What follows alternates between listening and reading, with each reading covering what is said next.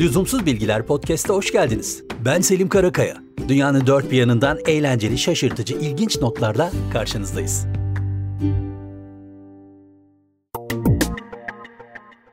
Uçakta unutulmak. Biz otobüste uyuyakalıp da son durakta şoför tarafından uyandırılmak nedir biliyoruz. Bunu hepimiz yaşamış olabiliriz ama bu bambaşka bir durum olmuş. 2019 yılında Tiffany Adams adında bir yolcu Air Canada ile Quebec Toronto arasında bir seyahat gerçekleştiriyor. Anksiyete ve uykusuzluk gibi sıkıntıları var Tiffany'nin. Dolayısıyla biraz arkalarda daha sakin bir yerde kendisine bir koltuk buluyor ve orada uyukluyor.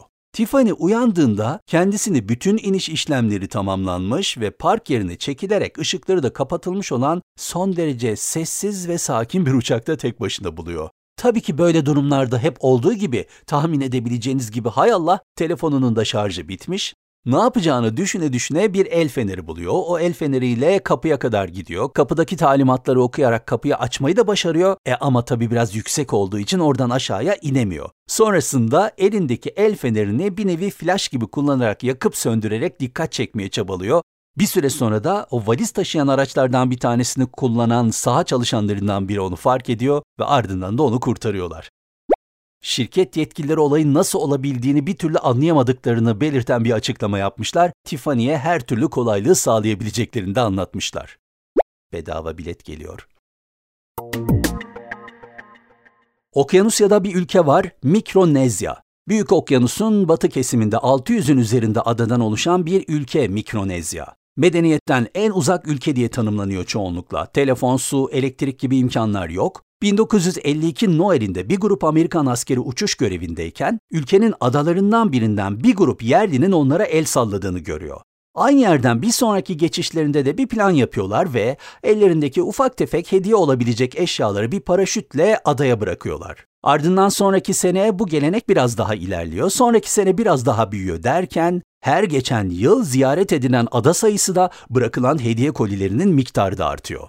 Geçtiğimiz yılın Noel sezonunda Mikronezya adalarına 20'nin üzerinde özel uçuş gerçekleştirilmiş bu amaçla ve yüzden fazla büyük hediye kolisi paraşütlerle bırakılmış.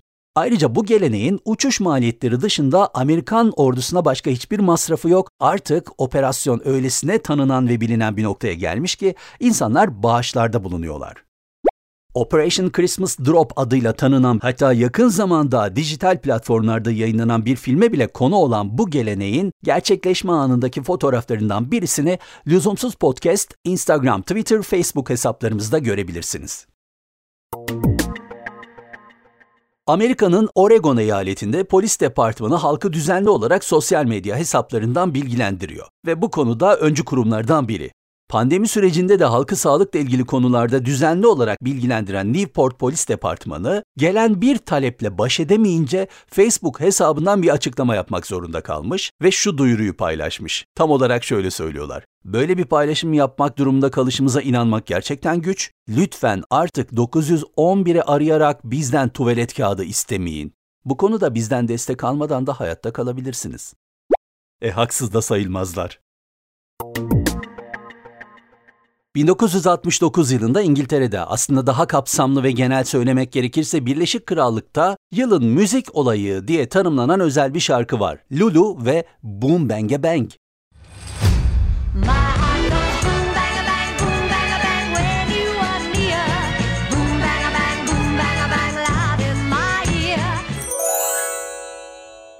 Şarkının bu kadar popüler olmasının en önemli sebebi o yıl 14. kez düzenlenen Eurovision şarkı yarışmasının kazananı olması.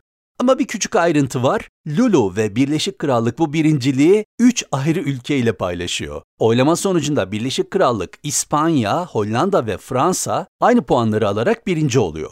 O yıla kadar zirvede bir eşitlik olması halinde kazananın nasıl belirleneceği ile ilgili alınmış herhangi bir karar yok. Dolayısıyla dört ülke birden birinci olarak ilan ediliyor.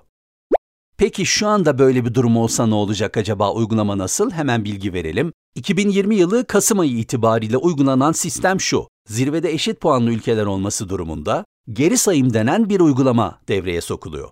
Biliyorsunuz şu anki oylama sisteminde jüri puanları ve televoting şeklinde tanımlanan puanlar var. Dolayısıyla eşitlik olması halinde öncelikle televoting puanlarına bakılıyor. Eğer orada bir ülke diğerinden daha fazla oya sahipse kazanan o oluyor. Eğer televotingde de eşitlik varsa bu defa ülkelerin aldıkları puanlara bakılıyor. 12 tam puanı daha fazla ülkeden alan bir şarkı varsa o birinci ilan ediliyor. Eğer orada da eşitlik bozulmazsa 10 puanı daha fazla ülkeden alan varsa, orada da bozulmazsa 8 puanı daha fazla ülkeden alan varsa şeklinde bir kazanan belirleninceye kadar geri sayım devam ediyor.